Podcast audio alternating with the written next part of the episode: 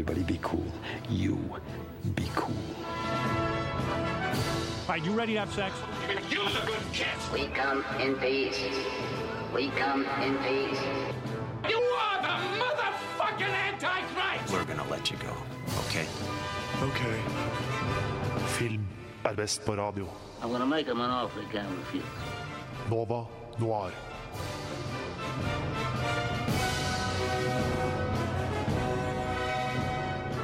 Og vi er på lufta de neste to timene.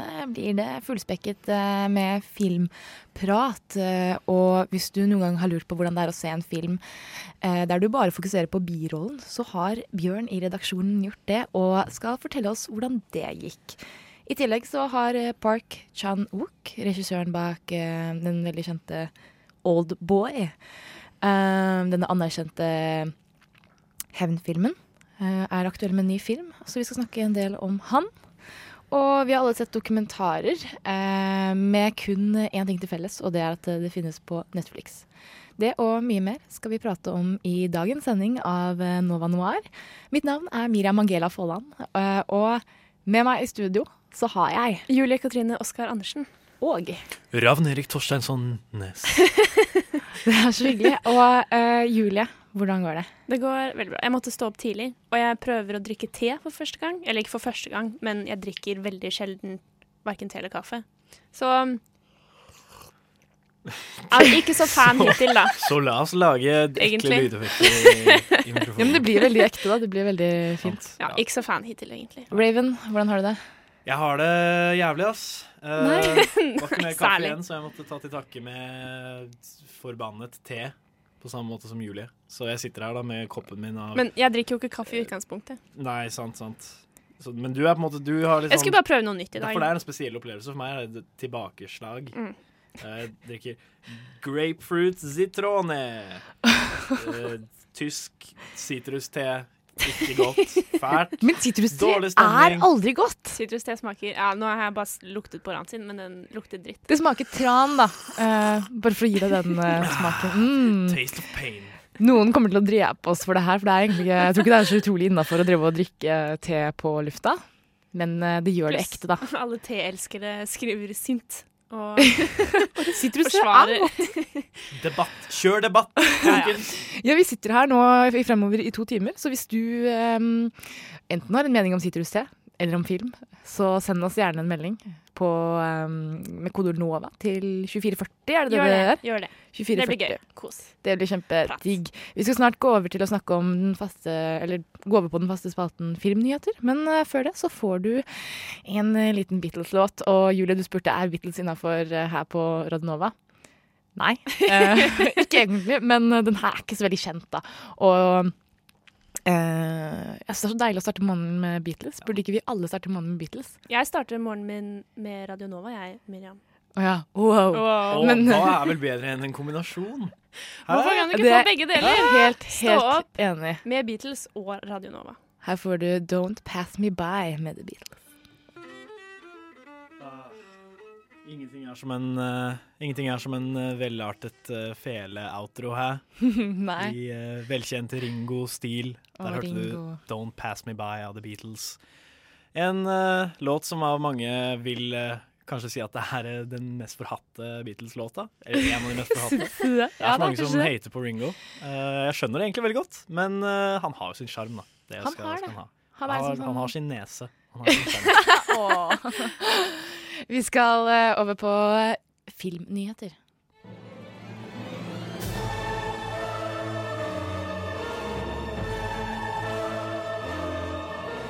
Well, hello, Mr. Fancy Pants. I got news for you, pal. You ain't leading but two things right now Jack and shit. And Jack left town. Nova Noir gir deg ukas filmnyheter. Og hva har skjedd? Julie Raven. Ja, her, filmens verden, der står ingenting stille. Nei, um, takk Gud for det. Og det er jo et par remakes da, som er eh, i lufta. Uh, blant annet ny, eh, ny Willy Wonka-film er det prat om. Det blir den tredje Willy Wonka-filmen som blir laget. Yes! Dette, det, det skal, jeg, eh, Inntrykket mitt var at det skulle ikke være en origin story, men det skulle være mer sånn Willy Wonkas tidligere eventyr før sjokoladefabrikken, da, antar jeg. Ok, Sånn prequel, sånn type Ja. den der, Hva var den der trollmannen i Os med James Franco? Nei, den så jeg aldri. Det gadd jeg ikke. Nei, det. Altså, det det, ja, det er jo litt snålt, egentlig, fordi altså, den forrige filmen, den uh, live action med Johnny Depp og greier, det var jo nesten en slags origin story. Ja, det var jo Eh, nesten det. Men Som dette- også er så rart, fordi den gamle fra 70-tallet, den het Charlie and the Chocolate Factory Nei, Willy Wonka and the Chocolate Factory, handlet mest om Charlie. Den nye het Charlie Ja. and the Chocolate Factory, handlet mest om Willy Wonka. Ja, godt poeng. Men uh, jeg tror kanskje Jeg gjetter bare vilt nå, men det kan hende at det handler om når han henter disse ompalompaene, eksempel, ute i skogen, Oi. eller eh, ja, altså, jeg, jeg aner ikke. Jeg aner Kanskje det blir en sånn uh, samfunnskritikk på liksom eh, slaver og sånn? han, uh, Kanskje, det hadde jo vært litt stille, da, men det er de som hva heter det for noe? produserte Harry Potter-filmene. Så jeg vet ikke helt om, om vi kan forvente mye. OK, Ja, men, men altså, Willy Wonka er jo en shady fyr, så eh, hadde, de, hadde de lagd eh, film om Charlie og glassheisen, så hadde jeg vært litt mer entusiastisk. Ja, litt ja, sånn for det- Ken Dotter hvor og shit. Det hadde jo vært kjempegøy, men Ja. eh, jeg vet ikke. Jeg føler at den er litt skvisa den sitronen, Ja, kanskje. den er veldig Willy Wonka Wonka-sitronen sitronen. er blitt en daddel for lenge siden. Selv om Ja. ja. Men det er ikke den eneste remaken ute i vinden, fordi Mary Poppins skal også bli en ny film. Samt med Colin Firth, som skal være sjefen av banken. Jeg vet annet at han er mammas yndlingsskuespiller, så hun blir sikkert Ok. glad for det. Og Emily Blunt skal spille Mary Poppins. Mm. Og så har de fått med Meryl Streep inni her et eller annet sted. Selvfølgelig. Uh, og så er det Rob Marshall som skal regissere Mary Poppins. Han har regissert annet Chicago, okay. Paris of Caribbean og Into the Woods. Du kunne jo vært en Så- crossover, da. Det hadde vært så Ah. kult. Willy Wonka meets uh, Mrs. Mary. Og så forelsker de seg, fordi de er jo en mye whimsical bedre match enn Ja. han derre Hun liksom støter på han i himmelen mens hun flyr med paraplyen, og han kommer i heisen sin, og så bare Og så. Love at first It's a meet impact. cute. Det hadde vært bra. Det beste sånn derre Manic Pixie-paret noensinne. Faen, vi, er, vi er for smarte. Ja. Hva faen? Hva skjer? Du blitt høre etter? Noen må kjøpe Ja. Take notes. Ja. Ærlig talt. Men jeg, jeg har fått inntrykk av at det er flere remakes ute i vinden. Du har vel fått inntrykk av det, ja? Ja, ja, ja. Eh, vi har eh, så mye som 17 Disney-remakes. 17 17 remakes Åh, av fy faen. våre kjære sinne. klassikere som du hører sinne. Ja. verden skal komme og drite på. Der har vi blant annet Aladdin. Uh, skal regisseres muligens av Guy Ritchie, OK. som blir, det blir snort. Uh, Ja, ja. Ja, ja. Det, det er sånn, alle disse filmene her er ganske langt i fremtiden, så det er mye lite som er liksom lika da, fra hva, hvordan det er. Uh, det har blant annet 'Løvenes konge', som jeg snakket om før. Mm. Regissert av John Favreau, som har regissert Jungelboken-filmen. Uh, så er det 'Mulan'. Der hvor det, det fikk veldig mye creds for at det er sånn Å, det skal faktisk være en asiater som spiller! Det er ikke Ja. whitewashing! Det er faktisk ikke en hvit person med sånn skjeve øyne som skal gjøres. det. Er ikke eh, Emma Stone, liksom. Nei, ikke sant? Den lille havfruen skal bli remaka. Uh, Cruella. Men da håper jeg de caster en ekte havfrue, ellers så Det er Mermaid mermaid Ja, appropriation. faen. Det, ja, Huff a meg. Åh.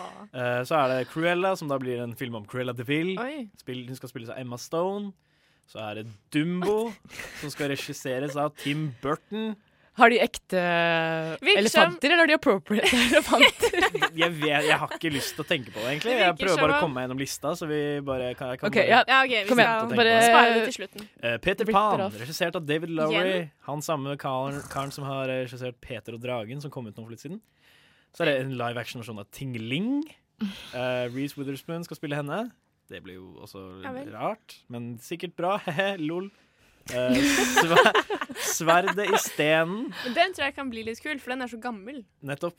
Det er det som Ja. er. Det eneste håpet jeg har, blir bra. Den uh, skal regissere eller En av manusforfatterne for Game of Thrones skal faktisk være med på den. Mm. Det blir uh, Tror jeg blir Kan bli mye blod. Mye nakenhet. Mye nakenhet, mye blod, blod. mye, mye fælt. Madeline har en sexscene eller noe sånt. Får vi se. Pinocchio uh, skal komme. Guillermo del Toro skal visstnok ha en finger med i spillet. Det er eh, Det virker som om de bare hadde en bolle med regissører, skuespillere og Disney-klassikere, og så er de bare trukket sånn Å, det ble uh, Tim Burton, det ble den filmen, Ja. og det ble den skuespilleren. Er som- OK, som kjør film. Det er som Oprah, bare You get a script, you get a movie. Og så har vi Look under your seats! Ole, Ole Brumm skal komme. Det blir live action. Alex Ross Perry. Det blir live action. Skal handle om Christopher Robin som voksen, tydeligvis. What? Altså, to Toy Story har allerede gjort det. Drit i, liksom. Gi er- faen. Ja, herre min. OK, var det alle? Mm. Å nei, da. Eh, nei. Jeg skal bare Ok, gå fort igjennom gjennom. Ja. Night on Bald Mountain, eller sånn filmen fra Fantasia med den svære djevelen på fjellet. Okay. Uh, Jungelboken 2. What? Også John Favreau. Den kom jo nettopp. Gi deg, da. Maleficent 2. Nei, Eh, det var med så også uh, Angelina Jolie. Mel, uh, Prince Charming, om en eller annen prins. Uannonsert hvilken prins det skal være. Kanskje det er om alle alle? prinsene. Alle skal slåss. Eh, Rose Red, uh, søstera til Snehvit. Og så er det til slutt Skjønnheten og udyret. Som skal Ok, spilles Den av visste jeg om. Den kom jo Emma av Emma Watson. Ja, og det er blir, veldig eh, søtt. Det blir uh, Og hun søtt. Ja. Hun er jo magisk. Men hallo! Fins det ikke en original tanke igjen i Hollywood? Altså, jeg, jeg vet, jeg hater å være denne personen, for det er alltid den personen som driver og maser om det. For det er sånn, å, ting var så mye bedre før Men fy faen i helvete. Nå er jeg så jævlig lei. Jeg er så lei av jævla Avengers og hele Marvel fuckings skitet. Og jeg er så lei av Star Wars-dritet. Og nå fuckings Disney, kan dere ta dere en bolle? Jeg er så lei! Jeg, jeg føler smerten. Men da de prøvde å være originale, så fikk de jo Jupiter Ascending. Blant annet. Men, Jeg, altså, også, jeg vet ikke helt, jeg. men Disney de har, også laget, har de ikke laget Frost og Og Inside jeg, jeg snakket om og- Hollywood generelt, okay, ikke bare Men du må Disney. prøve å feile for å Ja. lage bra ting. Men nei, Hollywood trenger ikke å lage bra ting, de trenger bare å lage ting som tjener penger. Ja, men det er det, Det- som er. Ja. Men du må prøve å Tjener du utforske penger, har du klart det. Lager du en Disney- Disney-remake, kommer alle til å gå på kino. Da Og det er trist. Der har vi problemet ved moderne samfunnet. Men det her kan vi snakke mye om, sorry. Men vi må dessverre over på en liten låt, og den heter eh, Bil. Bil. Psych Aid Kit hørte du der med bil. Jeg skulle originalt spille Kingskurk One, og Julie kom og bare Nei, faen, vi skal ikke ha Kingskurk One! Spill den denne hva? fine sangen i stedet. Spar meg. Ja, men jeg er så enig. Jeg er så glad for at vi, vi- spilte den. Ja, da var alle fornøyde, vet du. Ja. Bra, bra avgjørelse. Ja, Veldig bra. Takk, Julie. Vær så god. Eh, da vi skulle planlegge den sendingen her, så var vi litt sånn Nå, hva har dere sett i siste? Er det noe vi kan prate om? Og alle hadde tydeligvis sett eh, dokumentarer på Netflix. Eh, de har ikke så mye til felles, tror jeg. Eller kanskje vi finner en kobling etter hvert.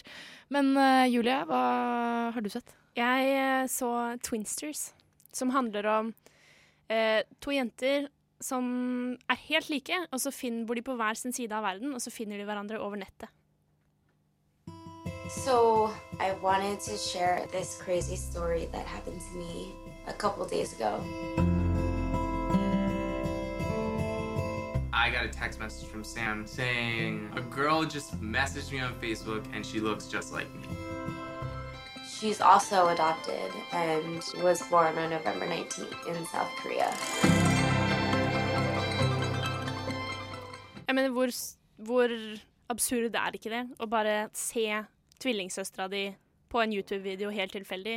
Ja, det er helt sykt. Hun ene er oppvokst i USA, hun andre er oppvokst i Frankrike. Og så Oi. bare begynner de å prate, og så er de sånn Jo, vi tar en DNA-test. Men de er kliss like, så det er liksom ikke noe, Ikke noe tvil. noe tvil om de er uh, identiske tvillinger. Ja. Så Ja. det handler på en måte at de begynner å ta kontakt, og de er 25 år.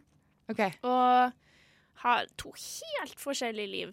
Eh, og så møtes de, og det er bare en skikkelig hyggelig, feel good, vakker, rørende, nydelig dokumentar.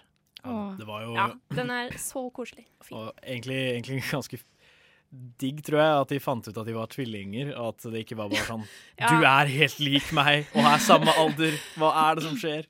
Det hadde vært Men er det ikke noe passe kjipt, da. sånn statistikk som sier at, uh, at det er sånn ca. fem stykker ute i verden som ligner helt på deg? Jeg vet at sånt? det er en nettside hvor du kan laste opp bildet ditt, eller beskrive facial features, og så kan du liksom prøve å finne like, like mennesker via den nettsiden, da. Det er kult.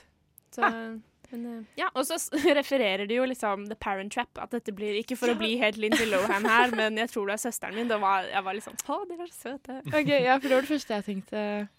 Kult, så du anbefaler å se den? Virkelig. Og du ser på en måte hvordan deres forhold som søstre Først er det litt sånn Det kan hende vi ikke er søstre, så vi prøver å være litt sånn Vi snakker og er venner, men vi er ikke søstre. Og så finner du ut jo, vi er det. OK, ja, vi visste det hele tiden. Sis. Og så ser du på en måte deres forhold bare vokse og bli dypere. Og ja, det er en veldig, veldig fin dokumentar. Ja, fantastisk. Mm. Ravn, du har sett Alive Inside? Alive Inside, ja. Det er en film som handler om en uh, forsker som reiser rundt på forskjellige gamlehjem og spiller musikk fra barndommen til folk som er demente. Og eh, det, er, det er bare Det er helt eh, crazy. Music has more ability to activate more parts of the brain than any other stimulus. Who am I? Who am I? I'm your daughter. By exciting or awakening those pathways, we have a gateway to stimulate and reach somebody who otherwise is unreachable. It can't get away from me if I'm in this place. It Takes me back to my school days. Oh God, that's that's beautiful. Does it make you happy to sing for us? Yeah. I'm crying. Every human being needs stimulation from the outside, from little babies to old people. Oh,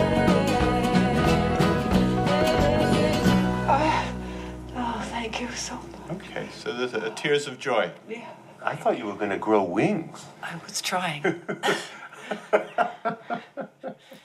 Wow. Jeg begynte nesten å gråte jeg bare å høre traileren. Shit.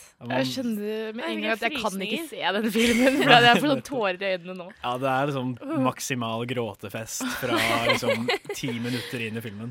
Eh, men, ja, det er, men det er en veldig godt laget film, altså. Det er, eh, det er på en måte vinkla mot det der at han prøver å pitche det ordentlig som en idé, da, som Mm. å bruke At på en måte, regjeringen i USA skal bruke pengene på for eksempel gi øh, hver eneste gammel øh, folk, altså folk som har demens da, og som liker musikk, gi dem hver sin lille sånn iPod Nano eller et eller annet sånt, så de kan bare ha Sånn, Siden det er første gang nå vi har fått den teknologien som vi kan bruke til å faktisk bare høre på så mye musikk Mm. med så liten, en så liten maskin. Da. Og det virker jo som om det ga så mye glede. Mm. Så det er Den på en måte lille sangen. Ja, ja det er, det er helt, helt insane å se på de, disse gamle folka. Det er, man blir bare man blir bare lei seg om å begynne å spise iskrem på en måte med Men en gang. noen ganger så trenger man bare å sitte og gråte litt. Litt sånn så fint å føle seg levende og føle at man har følelser. Da kan du bare sette deg ned og se på den dokumentaren her. Ja, Virker det er absolutt sånn? katarsis uh, i den uh, filmen. Dere har sett to veldig rørende filmer. Jeg har sett en uh, mer sånn opplysningsfilm, eller Info- sånn info Viktig spennende- tema. Ja. Eh, den heter Misrepresentation. The media is the message and the messenger, and increasingly a powerful one. In a world of a million channels, people try to do more shocking and shocking things to break through the clutter.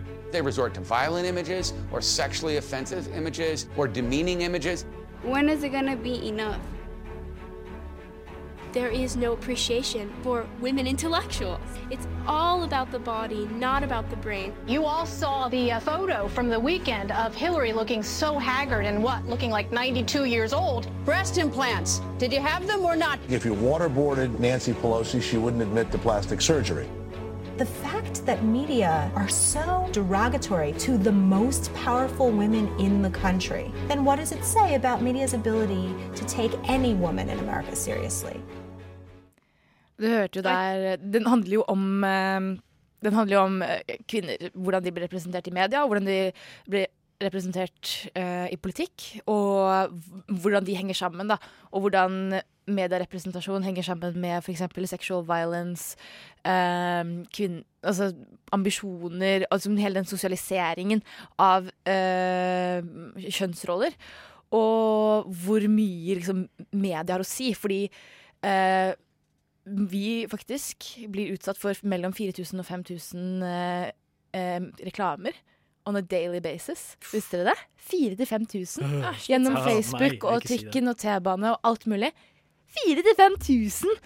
Og da er det sånn Selvfølgelig har det en impact på oss. Og den her ble laget i 2011, og de viste liksom sjokkerende liksom, nummer og sånne ting. Bare tenk hvor stort det er nå, fem år senere.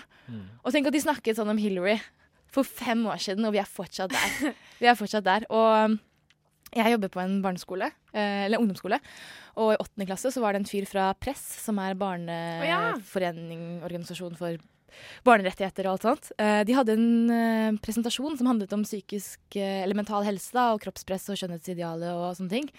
Og da snakket de om akkurat det her, og så tenkte jeg så sykt sånn herre Er det for tidlig? Men det er ikke det. Du går i åttende klasse, og du tenker på det her. Og så tenkte jeg også sånn det er sykt at det her er relevant for åttendeklassinger, og jeg sitter der, er 21 år, og det er fortsatt relevant, og jeg føler fortsatt at jeg trenger å høre det her, liksom. Press har jo også en uh, gullbarbie, tror jeg, ja, det er som de mm. gir bort til veldig stygge Eller stygg reklame, da, som Ja. ofte da er blant annet sexistisk eller overseksualisert, og mange andre fakter, men det Ja. pleier å være et gjengå gjengående tema i de reklamene de nominerer da til denne gullbarbien. Mm. Ja, det er Um, eh, sånne ting som har eh, som er verstingene på det å promotere et feil kjønns... Eller et, et Eller kroppsfokus, eller ja, bare. Det er mye, mange andre temaer enn det, men eh, ja, det, jeg tror jeg kommer til å ta en titt på den. Ja, det burde du definitivt se på. Den er skikkelig eye-opening. Altså sånn fire ganger, tror jeg. Men jeg tenker på det de sa om eh, plastisk kirurgi, fordi jeg mener eh, Filmindustrien, kjendisindustrien generelt du, dø, Ja, menn òg, for så vidt, men kvinner blir dømt å, du er så gammel, du skal ikke se gammel ut. Og så prøver du ikke å se gammel ut, og så blir du dømt allikevel fordi Ja. du har Botox og du har Men det er noe alle gjør.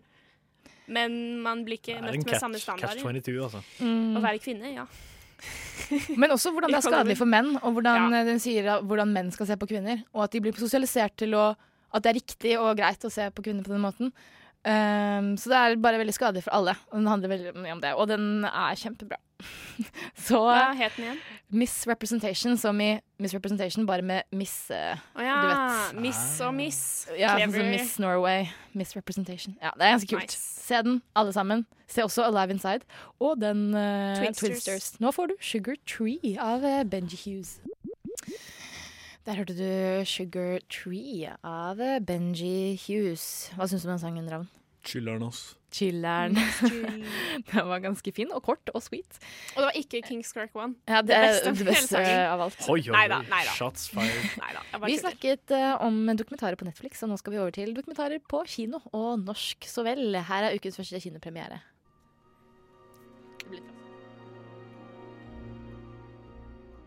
Ukens kinopremierer.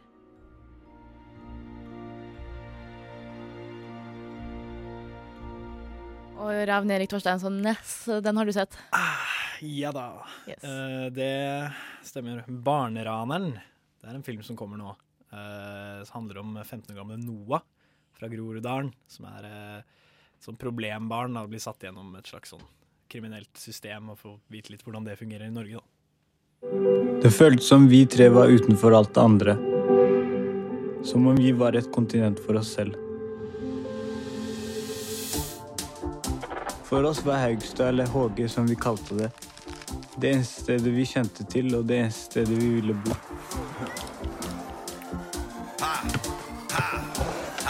Skikkelig Snoop Ja. Ransbølgen bare fortsetter og skaper nå alvorlig frykt og bekymring i befolkningen. og spørsmålet Men jeg følte likevel at jeg ikke hadde noe valg. Men jeg var veldig usikker på om jeg kunne si det i retten. Du må ta noen valg på hvem du vil være og hva du vil stå for. Jeg, jeg føler liksom at jeg har en plass her. Hvor er vi? Åge! Hvor er vi? Åge! Ta på blålys. Ikke løp, mann. Ikke løp. Ikke løp! Det virker dramatisk. Ja, veldig dramatisk. Barneraneren. Barn. Men nå er det jo det spørsmålet, hvis man ikke fikk det med i Det klippet. store spørsmålet. Det store spørsmålet. Er dette et barn som raner, eller raner, en raner av barn? Det er et barn som raner andre barn. Wow, begge! Basically. Uh, det er en 15-åring ved navn Noah. Uh, får aldri vite etternavnet av åpenbare grunner. Uh, Ja. Som bor i, på Haugenstua på Grorud, i Groruddalen. Og eh, sammen med kompisene sine så går han litt på skolen da, henger litt sånn i kanskje litt shady miljøer. Og eh, han eh, og noen av vennene hans raner da andre kids. Eh, ganske straight forward, egentlig. Eh, og det, han blir jo tatt. Og da blir han flytta til en eh, skole i, på Bekkestua, faktisk. Og da på en måte Filmen er jo en dokumentar, vil jeg si. Men hele filmen er jo egentlig bare en sånn reenactment. En måte, altså en gjenskapning, da. Ja, okay. Eh, hvor da eh, de tre hovedkarakterene, altså Noah og Hashim og Tim, som er de to kompisene hans, de spiller seg selv. Oi. Mens alle de andre, eller mange av de andre måte, shady folka, da, de som de hang med og som kom i fengsel og greier, de, de blir spilt av skuespillere. Ja. Og det er en slags sånn, ja Det, det er bare sånn ikke, ikke, noe, ikke noe intervjuer av de ekte personene, Oi. sånn sett. Ok. Eh, det er bare en slags sånn monolog, da, eller sånn eh, Ja, en stemme til Noah, stemme til Noah som forteller da hva han tenkte, og hva som skjedde, og det her, da. Ja, for det jeg tenker på da, er jo at det, det høres ut som en eller annen altså, kryss altså, Det er jo en dokumentar, men det kommer til å føles ut som en spillefilm. Og de er jo ikke skuespillere, egentlig. Uh, hvordan påvirket det filmen? Det påvirket den veldig veldig sterkt. Ja, det gjorde det. Eh, jeg kan absolutt. Eh, han, den, altså, han er jo Du hørte jo det på traileren også. Altså, han er jo ikke en opplesertype. Han, han er jo på en måte Han er veldig ekte, da. Og det syns jeg var egentlig veldig fint uh, med den filmen. At uh, okay. det, det var veldig ekte. Uh, selv, om, selv om man merket ofte at de på en måte fikk beskjed om sånn Ja, snakk sånn som du ville sagt det. ikke sant? Men de var faktisk overraskende flinke da, til å bare gjøre det sånn Oi. som om de skulle vært, vært det. da. Veldig, veldig bra filma. Veldig, veldig fine shots og mange bra sånn, cinematografiske virkemidler òg.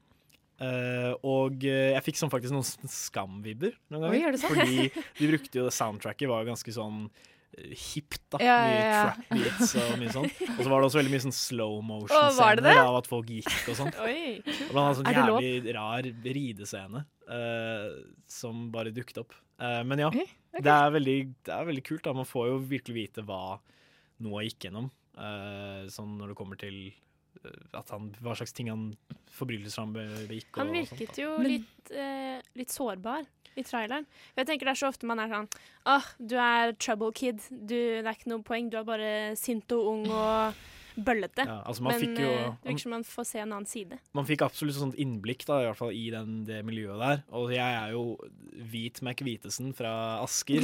eh, og det var, jeg, det, er, jo sånn- det var sånn veldig innvandrermiljø, da. Så jeg, har jo ikke, Men- jeg kan jo ikke si om det var autentisk eller ikke, sånn sett. Men, men jeg føler at jeg fikk et godt bilde av hvordan det er. For det er jo ikke egentlig slemme folk, sånn Nei, sett. nei. De er jo, altså de gjør jo, kan jo gjøre slemme ting, men, men det er på en måte men de roter seg bort. De roter seg bort. De har det gøy, på en måte, da. Ok, Men følte du kanskje at det ble litt den derre og nå flytter han til Bærum til de hvite folka, og da fikk han straighten his life out. At han liksom Den White typisk Savior- Hva heter den med White Sandra Bullock? Ja, ja. White Savior. The Blind Side. The Blind Side. Når det er liksom denne rike familien tar inn en uh, sort gutt fra gettoen, liksom. Og så går det dritbra med han, og han drar på college! Nei, altså sånn, det, det handler egentlig bare mest om at han hata det der. Eh, Ok, ikke hata ja. det, men han mislikte det og ville egentlig bare tilbake inn til Grorud. Men han fikk Oi. ikke egentlig lov til å dra dit. Nei. Eh, fordi han, han følte han liksom var der han hørte hjemme. Og uh, det endte jo på en måte med bare at Eller endte ikke med, da, men han ble på en måte satt på et sånt program, program som han skulle gjennomføre. Mm. Og så klarte han jo å drite seg ut, sånn nesten helt på slutten. Okay. Og gjøre noe greier som han ikke burde ha gjort. Det skal, jeg- jeg skal ikke spoile for mye. Det er bare det er bare måte, det, er, det er ikke sånn veldig stereotypisk. Man, man merker veldig godt at det er ekte. da At det ikke er en uh, spillefilm, sånn sett, selv om den er veldig veldig fint filma. Og alt det der. Kult. Så hva, hva er verdicten, da? Hva lander du på? Vel, jeg vil si at uh, den var uh, Den var annerledes eh, fra det jeg har sett tidligere av sånne type filmer. da Mm. Og den var også veldig sånn ekte siden jeg har vokst opp i det området, på en måte. Eller Mm. ikke i det området, men, men jeg, jeg kjenner til det. Asker og Bærum. Så jeg syns de, de viste fram en veldig fin vinkel, og man fikk på en måte litt sympati med, med de her. da Mm. Det var bare litt, litt sånn awkward noen ganger, Mm. måten de fremstilte på, fordi det var så åpenbart at de hadde bedt dem om bare spille det på nytt. Mm. Uh, og det var litt sånn liksom Noen ting var litt lange, noen scener var litt lange, og noen ting føler jeg ikke hadde trengt å fokusere så mye på. da Eh, og så var det sånn love interest inni der som var så ganske sånn unødvendig, på en måte, føler jeg. Eh, jeg vil si at jeg gir den filmen seks av ti. Seks av ti. Solid karakter, det. Uh, er verdt å se. Det er ikke det sjukeste jeg har vært borti av sånne ting, men, men absolutt. Ja. Se den, Kanskje se den. Ja. hvis du føler for det. Sweet Beats eh, fikk du eh, med J. Paul og låta BTSTU. Um, vi skal om ikke så veldig lenge høre hvordan det er å se en film uh, og bare fokusere på hovedpersonen. Uh, nei, ikke på hovedpersonen. Det vet du kanskje Det håper jeg du vet hvordan det er. Uh, men en birolle. Og bare fokusere på birollen og hvordan det er. Uh, vi skal også innrømme en uh, dirty, dirty secret Mm. fra oss her i, i studio. Uh, men før det så skal, har Tale Råd laget et innslag om en litt upopulær mening om en fyr. Er det en, hva, hva, Julie, hva syns du om Hva slags forhold har du til M. Night Shyamalan? Altså eh, The Sixth Sense, sense, Ja. sense ja, uh, er Jeg liker den, Ja. men uh, det meste andre har jeg vel kanskje bare unngått litt sånn glatt. Ja, du har det, du har ikke sett noe annet? Nei, jo, jeg så The Last Airbender. Okay, men den snakker vi ikke om. Men den eh, skulle jeg ønske ikke eksisterte. Ja. Så mitt forhold er kanskje ikke kjempegodt. Men jeg har ikke sett veldig mange av filmene hans, men jeg vet hva greia hans er allikevel. Så man får jo med seg det. M. Night Shyamalan-twist. Ja, Ravn, hva Det skal sies, eh, jeg har sett mye M. Night Shyamalan, og jeg vil si jeg er faktisk ganske glad i fyren. Du er det? fordi han er bare mesteren av å være ufrivillig morsom. Eh, det, det går igjen i alle filmene hans at han bare Han klarer ikke å ikke få deg til å le eh, uten å Men det er, så, mene det. det er litt sånn nedlatende liking. Du liker den litt nedlatende. Ja, men det er sånn, det, er sånn, sånn, det går greit, liksom. Altså, sånn, det er på en måte sånn Det er som å liksom sitte og se en person med Downs syndrom prøve å spille piano, for eksempel. Da. Bare sitter der og på en måte klapper dem og er sånn Ja, det, sånn, det går så fint. Jeg kan, jeg kan digge det, liksom. I can dig it. Nå var det Men det, OK, Er det PK? Ok, Jeg tror vi bare går og Tale har en annen mening. Her er Alle er vel egentlig enige. Sorry, det var min feil. Jeg pekte på tekniker før jeg egentlig var klar. Uh, hva skjer? Jeg vet ikke. Men uh, hun har laget en anbefaling av eh, filmen Science. Alle er vel egentlig enige om at filmene til M. Night Shyamalan er ganske dårlige og forutsigbare. I dag vil jeg snakke litt om Science fra 2002, og hvorfor jeg syns den har fått ufortjent mye tid. Jeg synes dette er M. Night Shyamalans beste film, men det skal vel kanskje ikke så mye til. Jeg kommer til å spoile, så hvis ikke du har sett den, så fortsett å høre på for det. Men først en kjapp oppsummering av handlingen i filmen. Mel Gibson spiller den tidligere presten Graham, som bor på gården sin sammen med broren, Meryl, spilt av Walkin Phoenix, og de to barna sine, Bo, spilt av Abigail Breslin, og Morgan, spilt av Rory Culkin. Graham sliter fremdeles med savnet etter kona som døde i en bilulykke, og har etter dette også mistet gudstroen sin. Den lille familien begynner å bli mistenksomme da de en morgen våkner opp til rare og mystiske symbolformasjoner i maisåkeren deres. Graham har sluttet å tro på Gud, men kan han tro på at de blir angrepet av romvesener? I'm a little scared. All this stuff on TV. Joe Gills was in here talking about the end of the world. They're staying in the shadows. It's called probing to make sure things are all clear. Clear for what?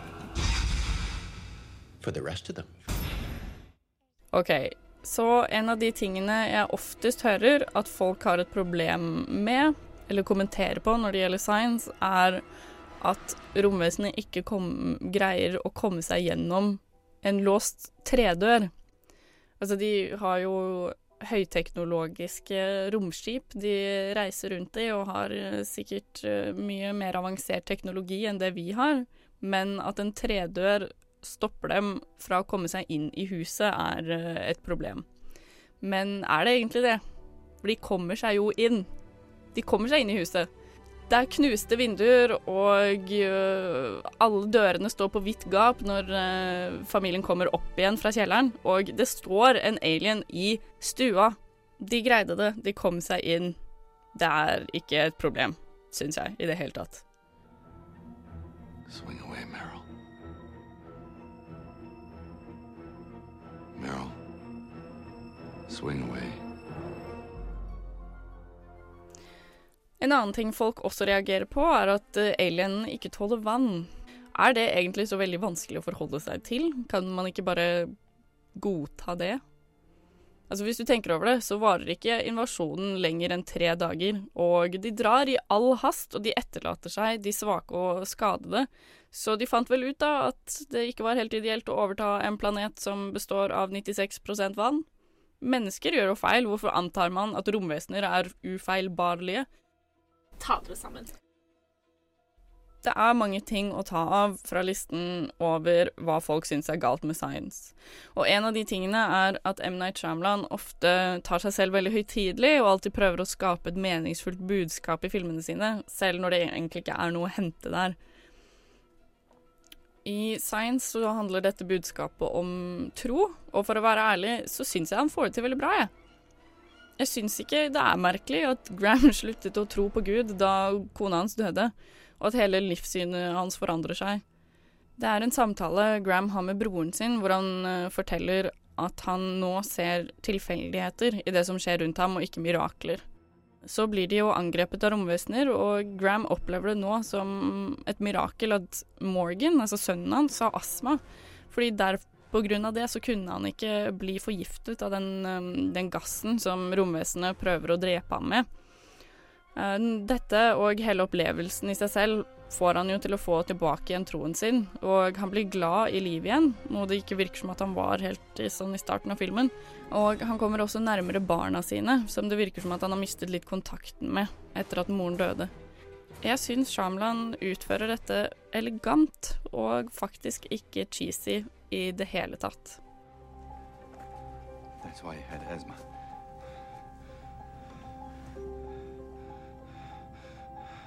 It can't be luck. His lungs were closed. His lungs were closed. No poison got in. No poison got in. His lungs were closed. Science er som sagt fra 2002, og tempoet i filmen er ikke like raskt som det vi er vant til i dag. Klippene er lange, og mye av fokuset ligger på dialogen og spenningen Shamlan skaper, ikke actionsekvenser, som det finnes svært lite av i filmen. Dette er absolutt bare positivt, og går veldig godt sammen med lydbildet. Musikken er nydelig intens og komponert av James Newton Howard, som ble inspirert av filmmusikken til bl.a. Psycho. Han har også skrevet musikken for flere andre Shyamalan-filmer. Manuset er velskrevet og virker naturlig. Man får ikke følelsen av at karakterene sier ting kun for å mate publikum med praktiske opplysninger eller informasjon, men den fungerer som den skal, som frempek. Noe som er med på å opprettholde spenningen og mysteriet i filmen. Hele grunnen til at filmen faktisk er skummel, er fordi den ikke tyr til billige jump scares, men heller holder deg på pinebenken med de lange scenene og det litt trege tempoet. Shyamalan viser ikke så mye av det som skal være skummelt, sånn som romvesenene, men han viser deg heller hvordan familiemedlemmene reagerer når de får se dem. Til sammen så blir romvesenene kun vist i ca. 1 12 minutt i løpet av den 1 time og 45 minutter lange filmen. Og det er forventningene til hva som kommer, som er med på å gjøre det skummelt.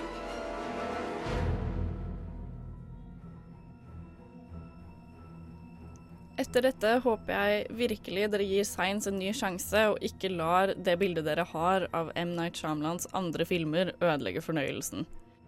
God film! Tale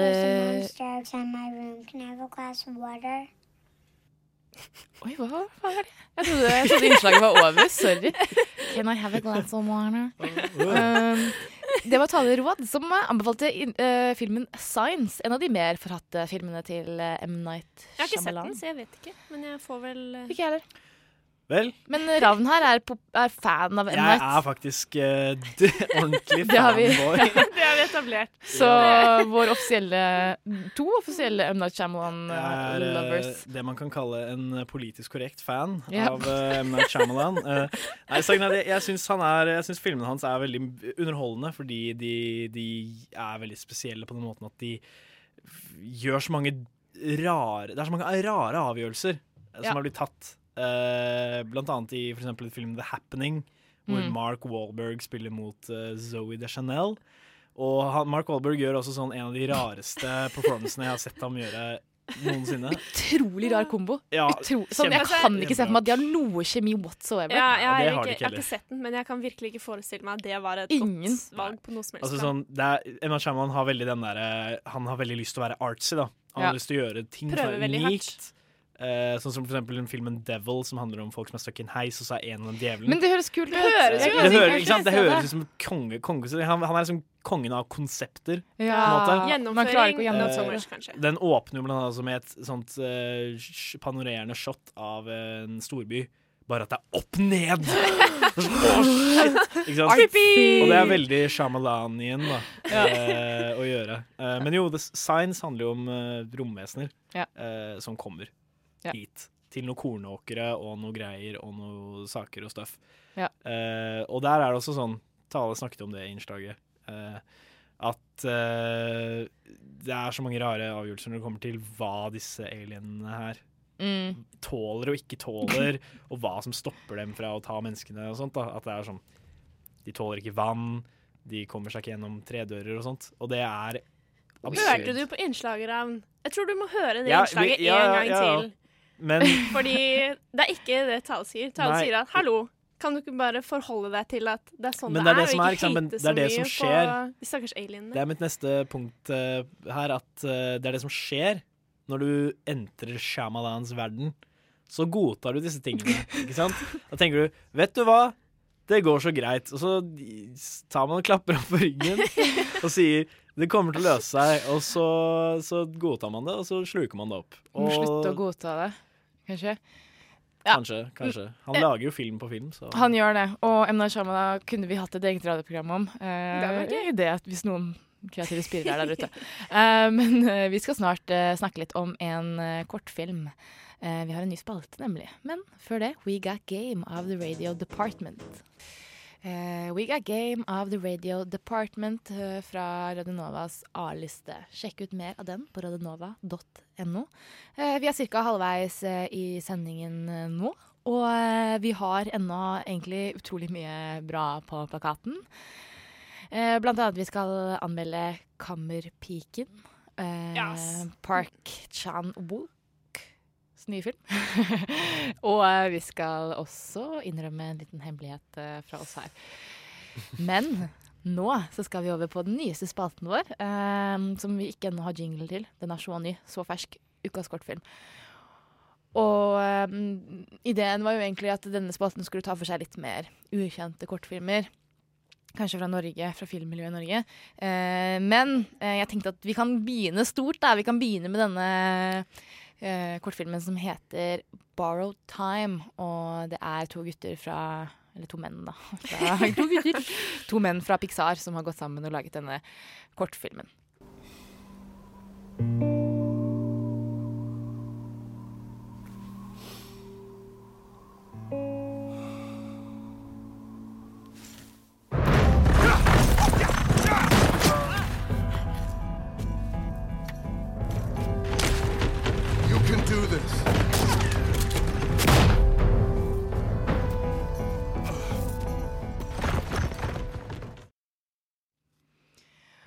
Og den er uh, veldig mørk. Veldig dyster. Veldig trist. Utrolig trist. Den handler på en måte om uh, sorg og om eh, Å gå videre, forene seg med fortiden. Ja. Mm. Og leve med Ja, aksept. Veldig. Mm. Skikkelig, skikkelig tilgi seg selv. På en måte. Mm. Ja. Jeg føler kanskje ikke at vi burde gå så mye inn i plottet, ettersom filmen bare er ja, tre minutter eller noe. Det. Så Men eh, ja, det skal bare sies, eh, altså, den er fantastisk flott animert. Mm. De er jo så forbanna talentfulle, de gutta der, altså. Og- det er en grunn til at de har vært i Pixar, for å si det sånn. Ja, og den måten den bygger spenning på over den korte kurven, da, den er veldig kort, men uh, klippingen og stemningsmusikken og eh, veksling mellom det ene og det andre, nå skal jeg ikke si for mye, men skikkelig, skikkelig sånn. Og så når du ser slutten, så bare åh, treffer deg liksom. Det treffer deg hardt. Ja. Ja, men altså, det er ordentlig mørke greier, ass. Mm, skikkelig. Eh, Du og- ja. tenker kanskje ikke på Pixar og, og det her? Ja, men, Men, eller det er jo ikke Pixar, men det er jo du tenker på sånn, ja. ja, men det er det som er. Det er det som er så kult. Eh, nå i det siste så har jo Pixar gått veldig i den retningen der, da. Ja. Eh, med å faktisk ta for seg ganske dystre og virkelighetsnære temaer. mm. Og gjøre det til en virkelighet for barna. Ja. Også som for eksempel i Up. Ja. Den, Åh. den lange sånn montasjen av livet hans. Ja. uh, og det, hele det der, det er, det er også sånn Herregud, er dette en barnefilm? Hva er det som foregår nå? Det er for vondt. Uh, Og, den, og i Toy Story, når de liksom går til eh, Ja, når de bare, I Toy. Story 3, når de bare aksepterer Ja. Nå er det slutt for oss. Sorry hvis vi spoila Toy Story 3 for noen der ute, men har du ikke Vet sett du den? hva? Ja. Vet du hva? Fortjener du ikke heller. Um, og um, Ja. Og egentlig en del sånn Også den derre Inside Out, som handler om liksom angst og depresjon og liksom Mm. Skikkelig, skikkelig Men den her er på en måte litt enda litt dypere igjen. Den er jo ganske brutal. den her er, Dette, er, ja, dette her kunne ikke vært i en barnefilm, Nei, tror jeg. den er, er mer såpass. tailored. Ja. Eh, så ja, men, men jeg er veldig glad for det, at Mm. Pixar har gått i den retningen. Mm. For det er viktig å, for barn. Å lære, ja. for barn å lære sånne ting. At det er ikke bare fryd og gammen, gitt. Men det er sant. Og jeg syns at uh, kortfilmer er på en måte en veldig underbrukt og en veldig undervurdert uh, sjanger. Fordi de fleste ser jo kortfilmer, og det skjønner jeg jo. Hvor skal man se kortfilmer? på en måte? Kanskje på YouTube, kanskje på Vimeo. Men eh, det er vanskelig å Man drar ikke kino, det er ikke på Netflix. Eh, Det burde de vært. Og de er ofte ikke på YouTube heller. kult. Ja, De burde hatt en kortfilmseksjon av Netflix. Men hvis Netflix, vi- hør- hør her, gjør det, gjør det. Vi har en idé til dere. Vi tar bare 20% av Nei da. Uh, av alt dere tjener. Neida. Ja, takk. Men vi vil i hvert fall prøve nå fremover å profilere litt sånn kortfilmer. Har du en kortfilm? Send den inn. Har du laget en kortfilm enten på skolen din eller bare generelt, eller du vet om noen som har laget den, send den til oss eh, på Facebook-siden vår på privat message.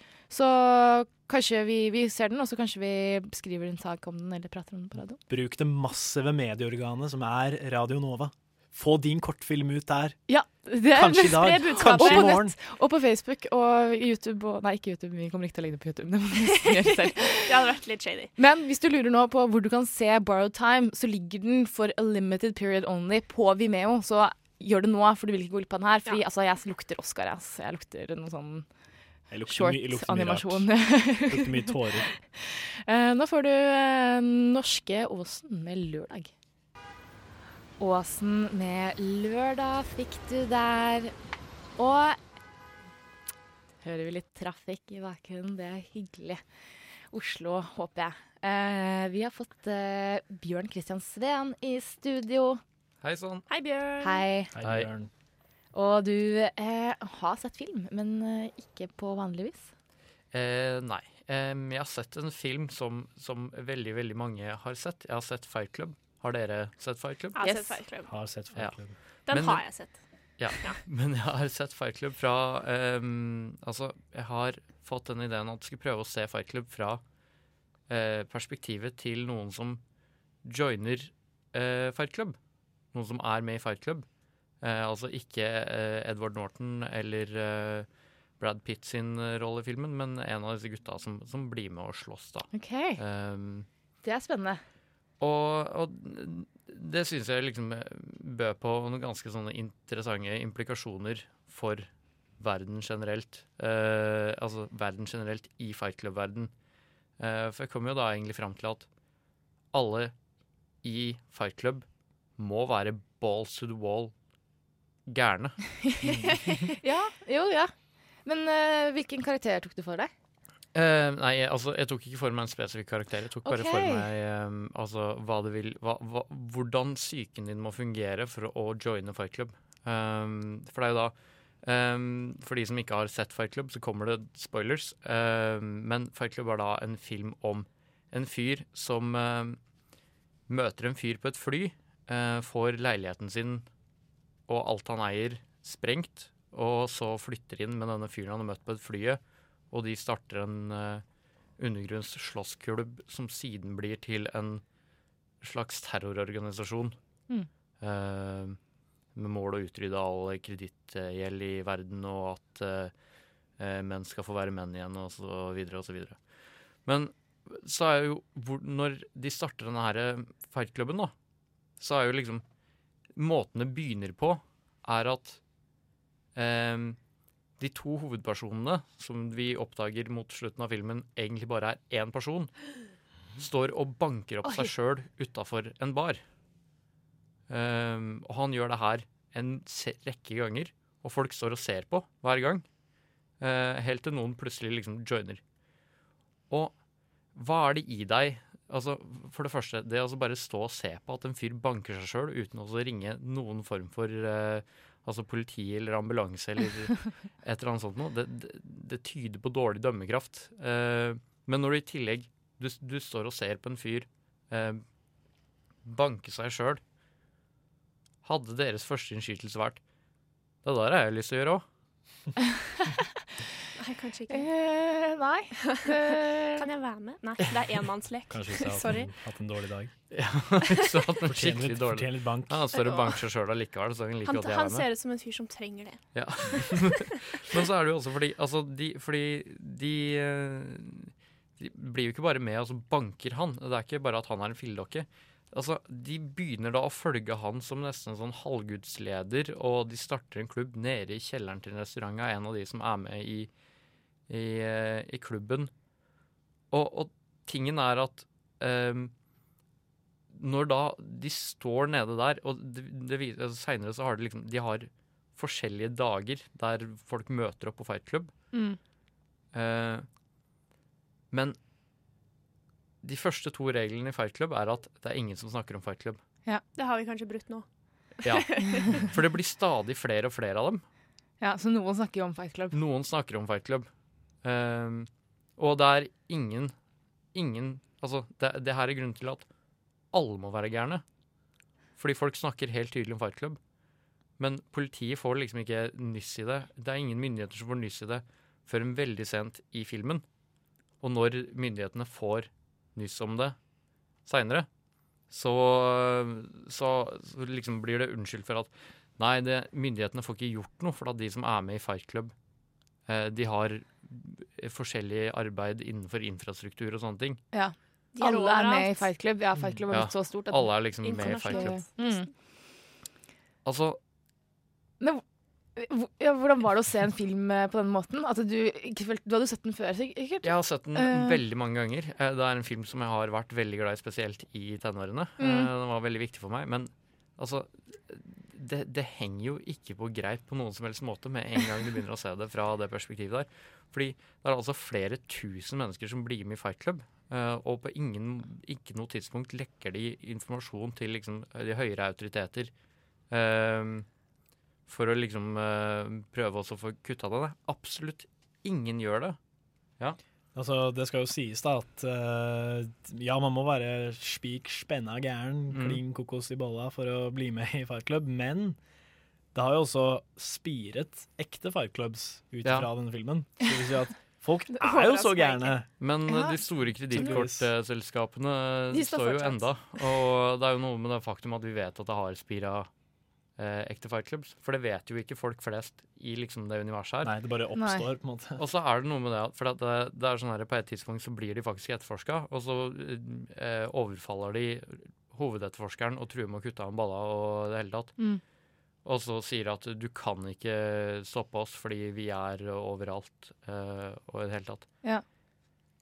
Det tror jeg ikke noe på. Hvis, du, hvis, hvis hobbyen din er å uh, liksom én til fem ganger i uka møte opp og begynne å banke hverandre Altså eh, den, den tredje regelen er at hvis noen sier stopp eller go, eller go slimp, så er kampen over.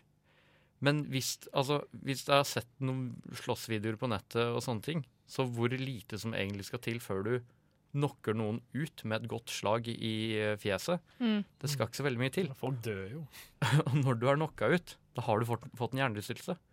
Så hvis okay. du da jobber på regnskapskontor og møter opp dagen etterpå og skal liksom sitte der med hjernerystelse og så gjøre jobben din, altså, det, det går ikke i lengden. så Ja, det jeg tror du hadde sett en synlig økning i eh, arbeidsledighetstrygd. Sykefravær og Ja. Ja, altså, I filmen så ser man jo sånne vanlige servitører og sånn som går rundt med blåveiser. Blåveiser, og ja. Så blunker de til hverandre sånn. at det er greit. Mm. Ja, jeg skjønner hva greia er. Liksom. Chuck Palahniuk, eller hva han heter for noe. Chuck Palahniuk. Palahniuk. Plott Plotthull. er det det vi sikter på her? At det, Ja, hvis det er ikke troverdig? Nei, det, men jeg syns det sier noe om, liksom, om hvor bra filmen egentlig er. For hvis du ser den fra perspektivet du er ment å se det fra, så, så glatter du jo Altså, du går jo glatt over alle disse her plotthullene. Ja.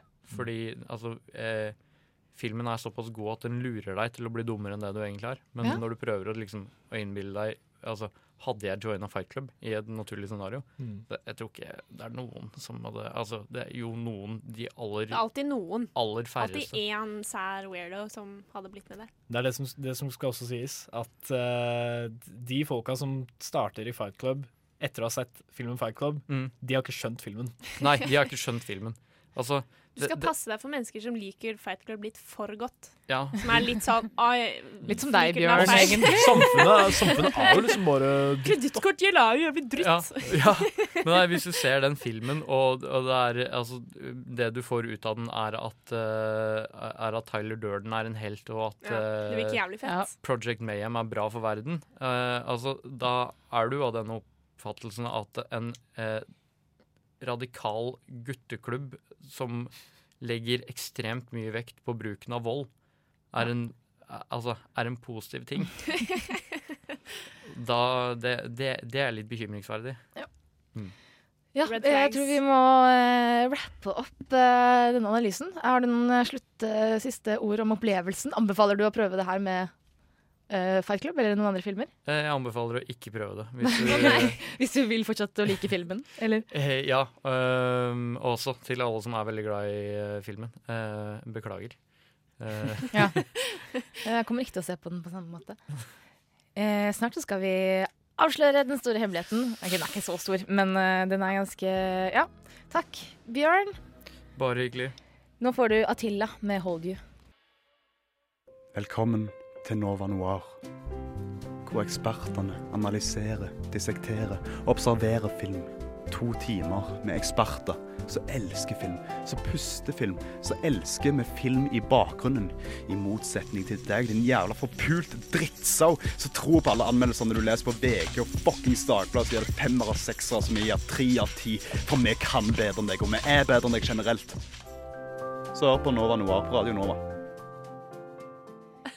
Eh, vi som sitter her, eh, på en måte prider oss litt på at vi på en måte er filmvitere. Eh, at vi i at vi kan kanskje litt mer om film enn eh, the average guy in the street. og, Ja, ja! Eksperter. Og nå blir vi litt Mm. eh, stressa, fordi det er alltid sånn når du prater med folk som du anser at de kan sikkert litt mindre film enn deg, så tar de opp noen filmer, og så begynner du å svette, og så blir du litt stressa, fordi den har ikke jeg sett. Og alle har de, og vi som ser film eh, jevnlig og elsker med film i bakgrunnen, vi har også noen hull i vår popkultur. eh, Store hull, store gap. Store gap. I vår filmutdannelse. Og vi tenkte da, vi tre, eh, da vi planla den sendinga, at det hadde ikke vært gøy hvis vi fant en som vi alle tre ikke hadde sett, og så den, Jo. og kunne diskutere den. Ja, det hadde vært gøy. Det hadde vært gøy. Men Julie, den store synderen Du hadde tre dager på deg, fikk ikke sett den. Nei, To dager. Vi snakket om det på tirsdag. Ja, ok. uh, men jeg uh, er meg selv lik. Jeg har ikke gjort en lekse siden åttende klasse. Nei. Så jeg, eh, jeg hadde eksamen da. Ja, du hadde eksamen, du er litt unnskyldt. Samme litt. gamle greia. Hæ? Men jeg angrer, angrer veldig, for Ja. jeg skulle veldig, veldig gjerne fylt dette store hullet i popkulturen min. Og nå har jo dere gjort det, så jeg er litt Ja, misunnelig. Men jeg får jo bare sette meg ned og Så det er på en måte mer shame for deg. Det er Ja. mer fælt for deg. du? Fordi vi har nå redeemed oss selv Ja, med altså, Shameful. Sant. Jeg Nå er det vi som får vår laurbærkranser på ryggen. Jeg må leve i uvitenhet. Ja, OK. Og filmen eh, vi har vi ikke nevnt ennå, men filmen eh, heter eh, Goodfellas. Og det er så flaut. Åh, jeg kvier meg kjent å si som det. Mafiabrødre. Ja, Mafiabrødrene. Og før vi så den, så gikk vi litt rolig raskt inn i studio og sa noen spekulasjoner. For jeg tror ingen av oss egentlig hadde noe peiling på hva den handlet om, selv om den er sånn Ja, det får vi en klassiker. ut av. Så la oss høre på det vi, det vi spekulerte i da.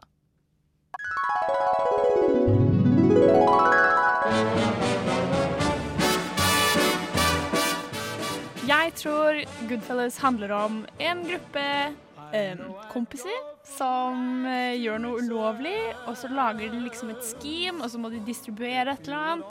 Fordi jeg tror at Community lagde en episode hvor de parodierte Goodfellas litt. Så jeg, men jeg vet ikke om det var Goodfellas, det var bare en sånn mafiagreie. Men jeg tror at det er det det handler om, som det de gjør i den episoden. Bortsett fra da lager de et sånt scheme for å selge fried chicken. Jeg tror kanskje ikke det er det Goodfellas handler om, men jeg tror det er noe sånn Det var litt vagt, men uh, ja.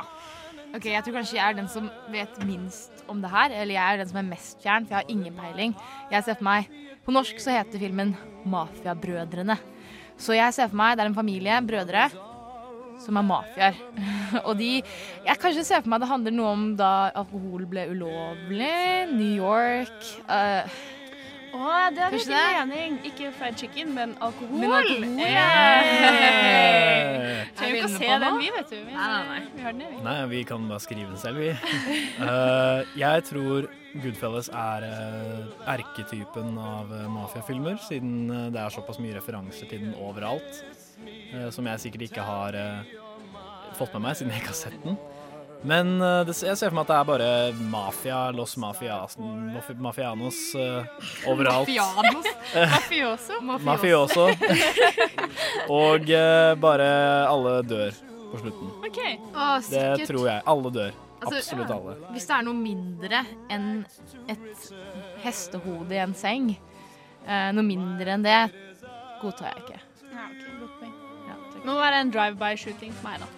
Det må være Ja, mine noe, penger, pengene mine er på det. det må være noe hvitvasking.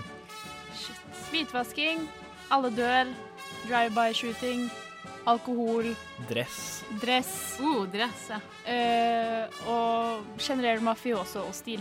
Ja. ja. Ja, vi får se, da.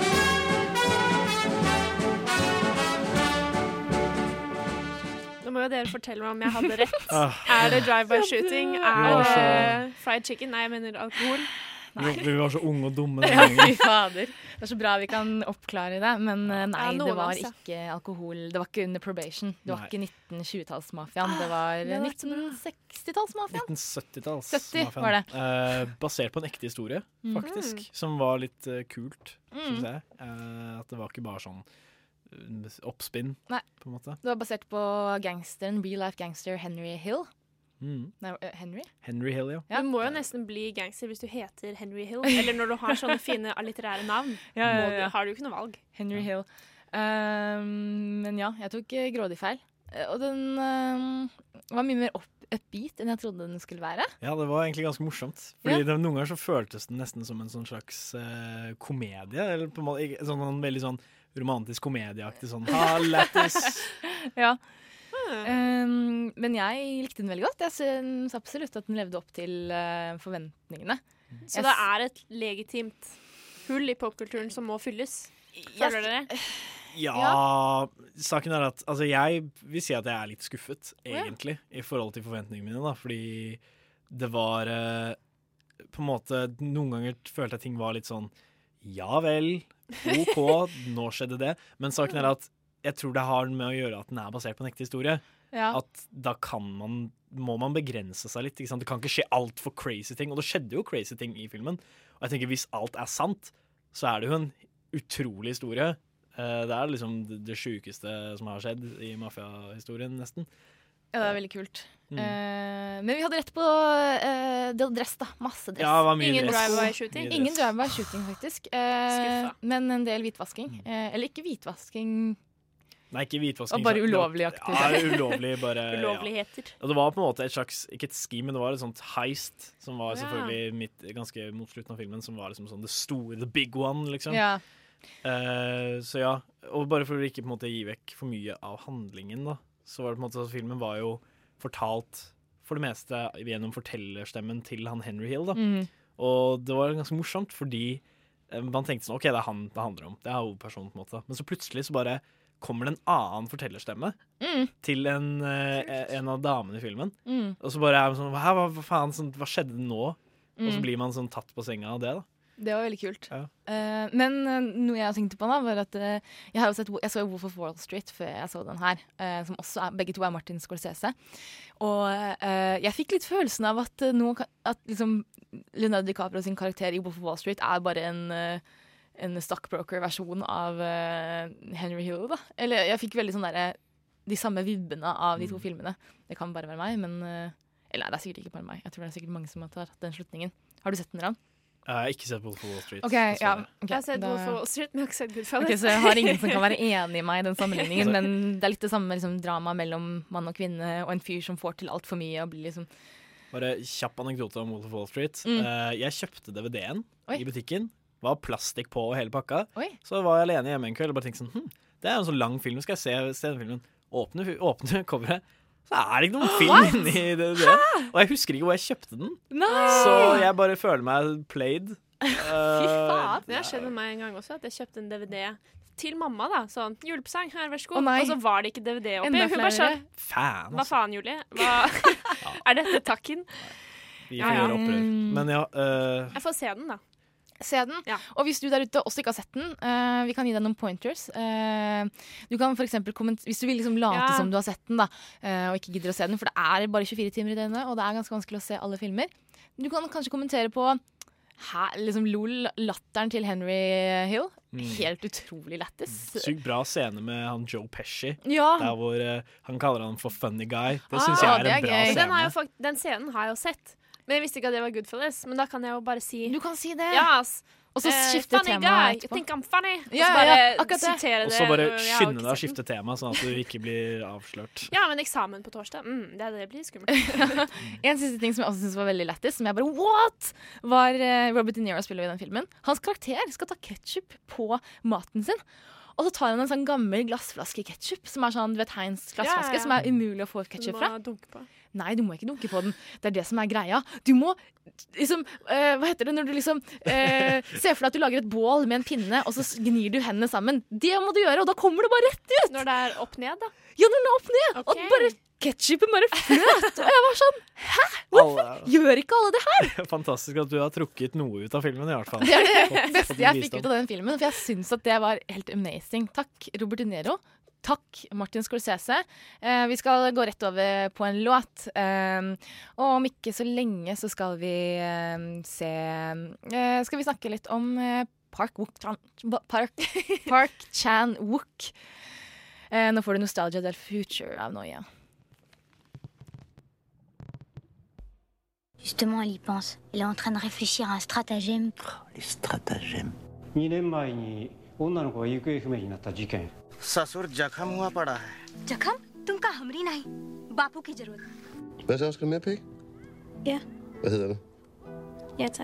Nova Noir på av Vi var akkurat på eh, film fra sør. Eh, denne utrolig flotte, flotte filmfestivalen som eh, går i Oslo en gang i året på høsten. Eh, Julie, du var blant annet der. Ja.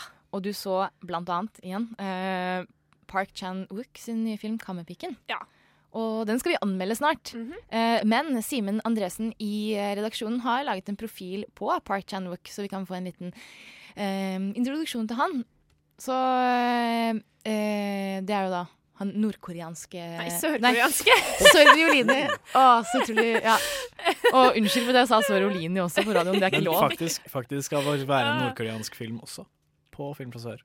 Var det det? Det skal være det. Det skal være det? De sa det før visningen. Jeg var der også, forresten. Ja, men Du, var med og så. Ram, du var også, også Kammerpiken. Dere har sett den begge to? Vi så den Ja, sammen. De sa at det skulle komme være et nordkoreansk eh, innslag. Oi, veldig kult. Eh, men han er altså derfra fra Sør-Korea. Og kjent for blant annet å ha laget eh, Oldboy, og veldig kjent for denne hevnsjangeren. Eh, la oss høre.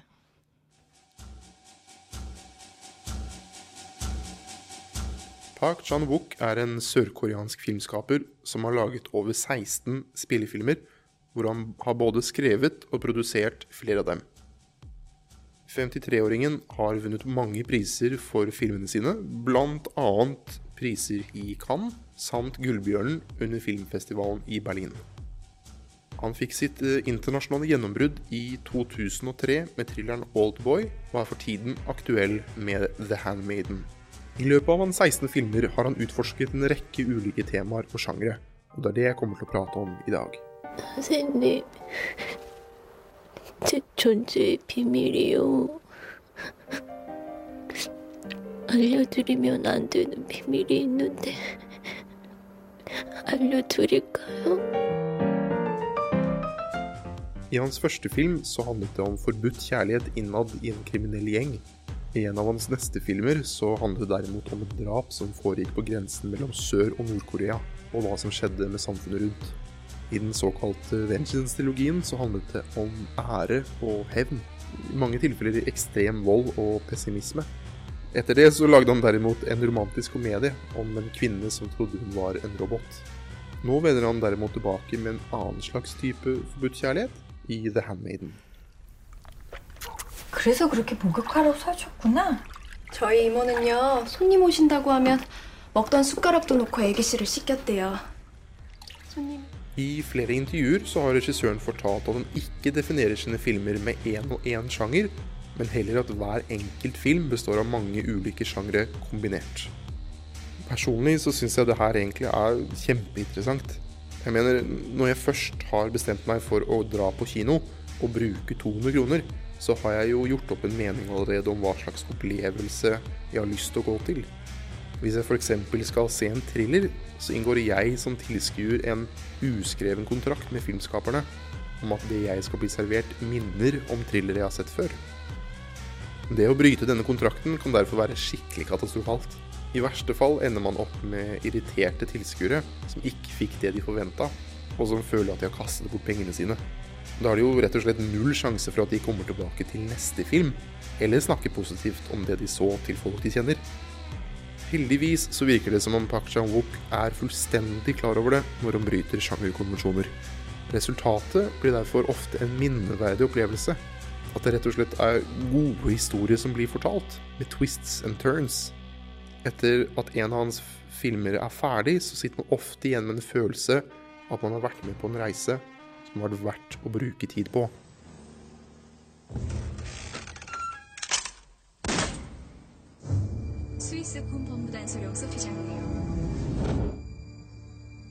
Som tidligere nevnt fikk han sitt internasjonale gjennombrudd med thrillerfilmen Oldboy i 2003.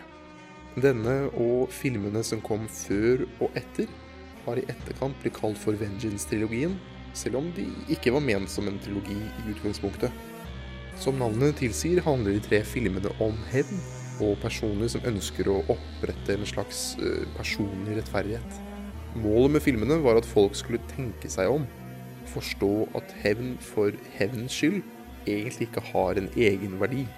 Hevn handler jo strengt tatt om noe som alt har skjedd, noe som ikke kan rettes opp i, og som ikke kan gjøres bedre ved at man hevner seg.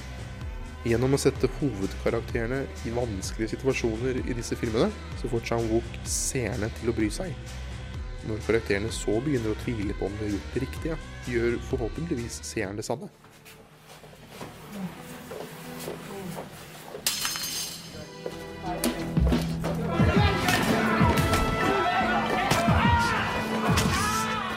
Chan-wook studerte i utgangspunktet filosofi ved universitetet i Seoul da han vokste opp, og det var først etter dette at han bestemte seg for å lage film. Erfaringen med filosofi og måten å undre seg på kan man finne igjen i hans filmer, og spesielt eh, karakterene man møter.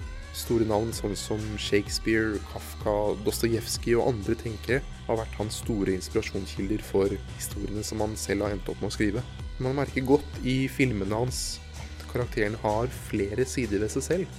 At de ikke oppleves som todimensjonale. At de rett og slett har tvil, mangler, feil ved det de gjør, og at de på den måten føles troverdige ut. Mange av karakterene hans føles som de faktisk kunne vært noe man kjenner. Kanskje satt på spissen i noen tilfeller, men stort sett noe man kjenner seg igjen i, og derfor kan relatere til. På denne måten så ender man jo opp med å bry seg mye mer om hva de folkene gjennomgår, og til slutt hva utfallet av historien blir.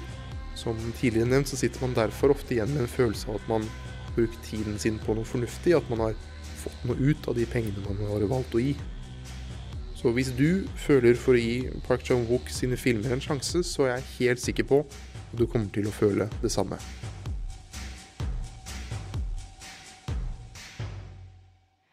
Simen Andresen der anbefalte å ta en titt eh, på en regissør utenfor Vesten.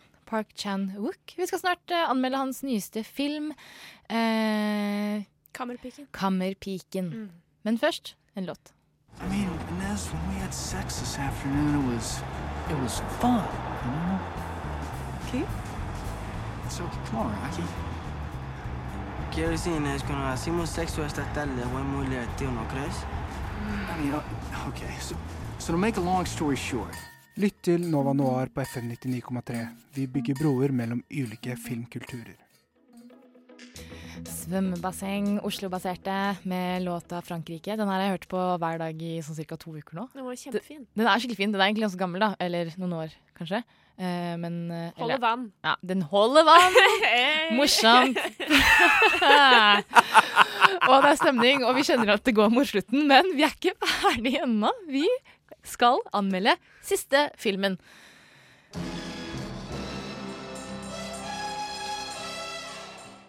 Ukens kinopremierer.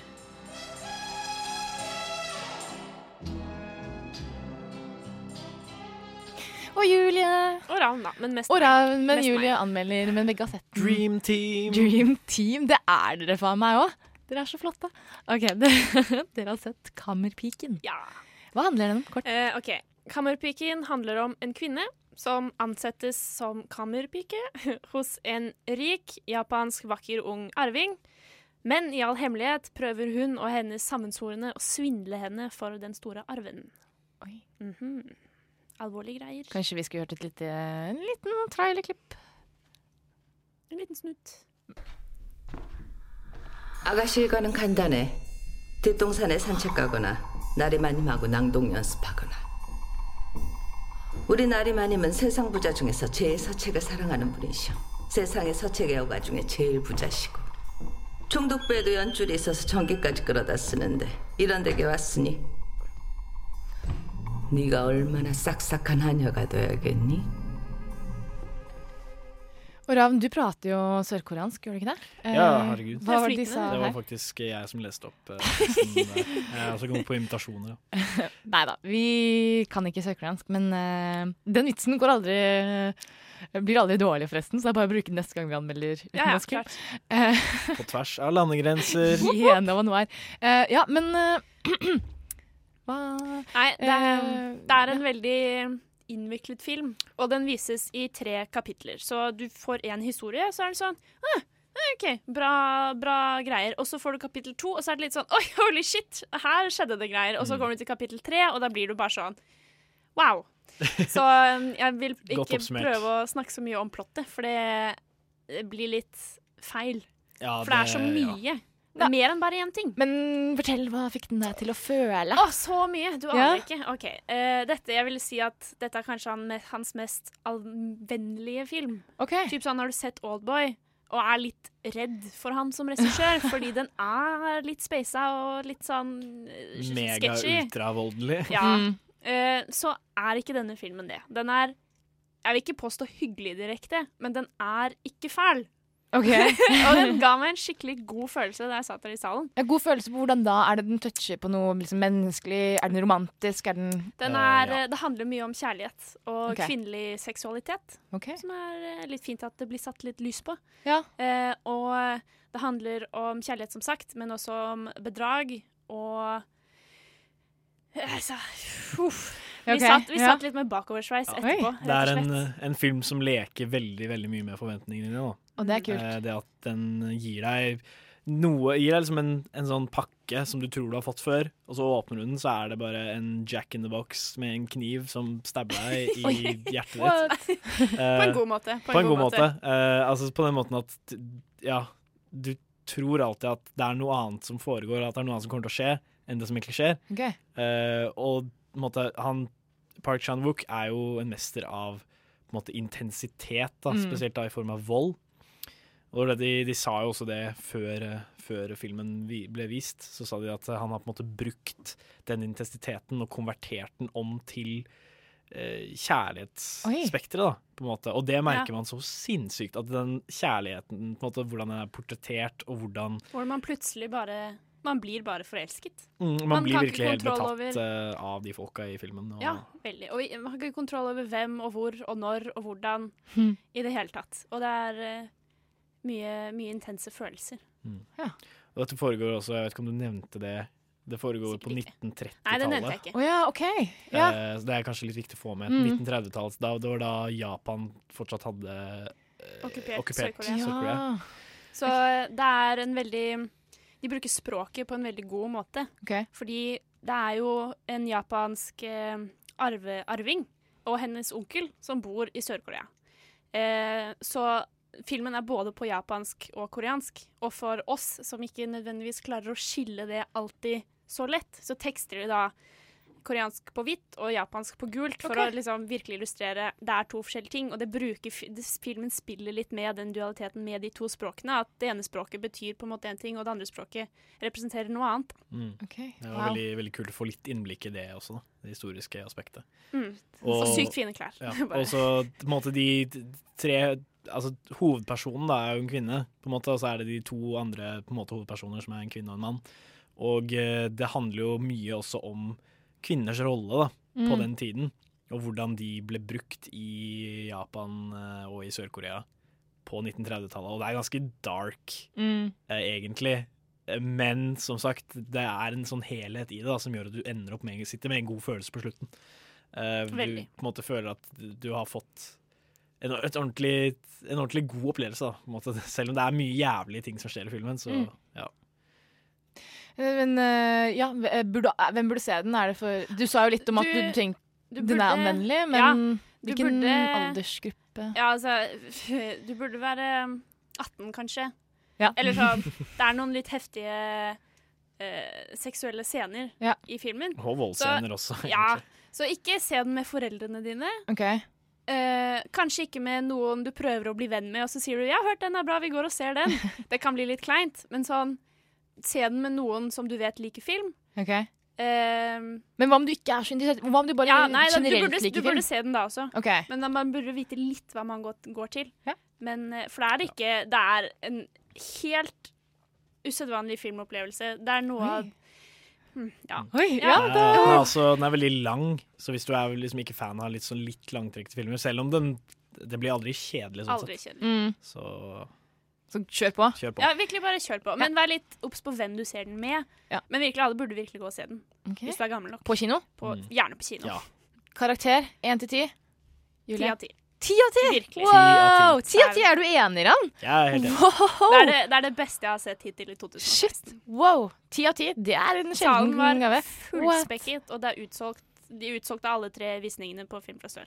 Så når den kommer på kino, bare gjør deg selv en tjeneste Og og gå den. og se Kammerpiken. Du trenger ikke å ha sett ting fra ham før, men bare åpne deg for denne utrolig vakre filmopplevelsen. Jeg vet ikke hvorfor jeg var så overrasket. Jeg bare, alt dere sa, var jo dritpositivt. Men eh, ja. Ti av ti til Kammerpiken. Og Einar Jullum fikk det der med den aller første april. Deilig slutt. Vi har kommet, det er kommet til veis ende her eh, på vår to timer lange sending. Ja, det er, det er trist. Vi har hatt det gøy. Vi har snakket om Goodfellas og avslørt at vi eh, hadde ikke sett den, men jeg og Ravn har gjort det nå. Julia har fortsatt ikke. Lever fortsatt i skammen. Lever fortsatt i skammen. Hun eh, blir dømt til å se Who Killed Me. I Know Who Killed Me med Lindsay Lohan. Hver dag et år. Å nei. Å, det er så meg. Jeg skal gjøre leksen min neste gang. Gjør det. Og vi har anmeldt to filmer. Vi har anmeldt 'Barneraneren', og den ga du seks av ti. Eh, ikke se den, det er en dokumentar. Vi har også anmeldt 'Kammerpiken', den nye Park Chan-wook-filmen, og den fikk ti av Ti ti. av ti, mann! Så den anbefales på det sterkeste. Eh, og vi har egentlig hatt det drithyggelig. Sykt fett. Følg oss på Torsdager Facebook. er yndlingsdagen min, for da har vi sending. Ja. Nå, nå er det best. Det er så gøy. Uh, følg oss på Facebook, uh, podkast-app, eh, Instagram. Eh, nå blir det skamløs promotering her. Men mitt navn har vært Miriam, eh, og Snapchat. Snapchat får jeg Julie bare Snapchat. Vi har snappet i løpet av sendingen. Eh, Følg ja. oss der. Radio Nova. Radio Bindestrek. Nova. Mitt navn er Miriam Folland, og med meg i studio så har jeg Julie Oskar Andersen. Ravnes. Og bak spakene Henrik Slåen. Og nå får du med deg ut Dinners med sangen 15 on a Skateboard.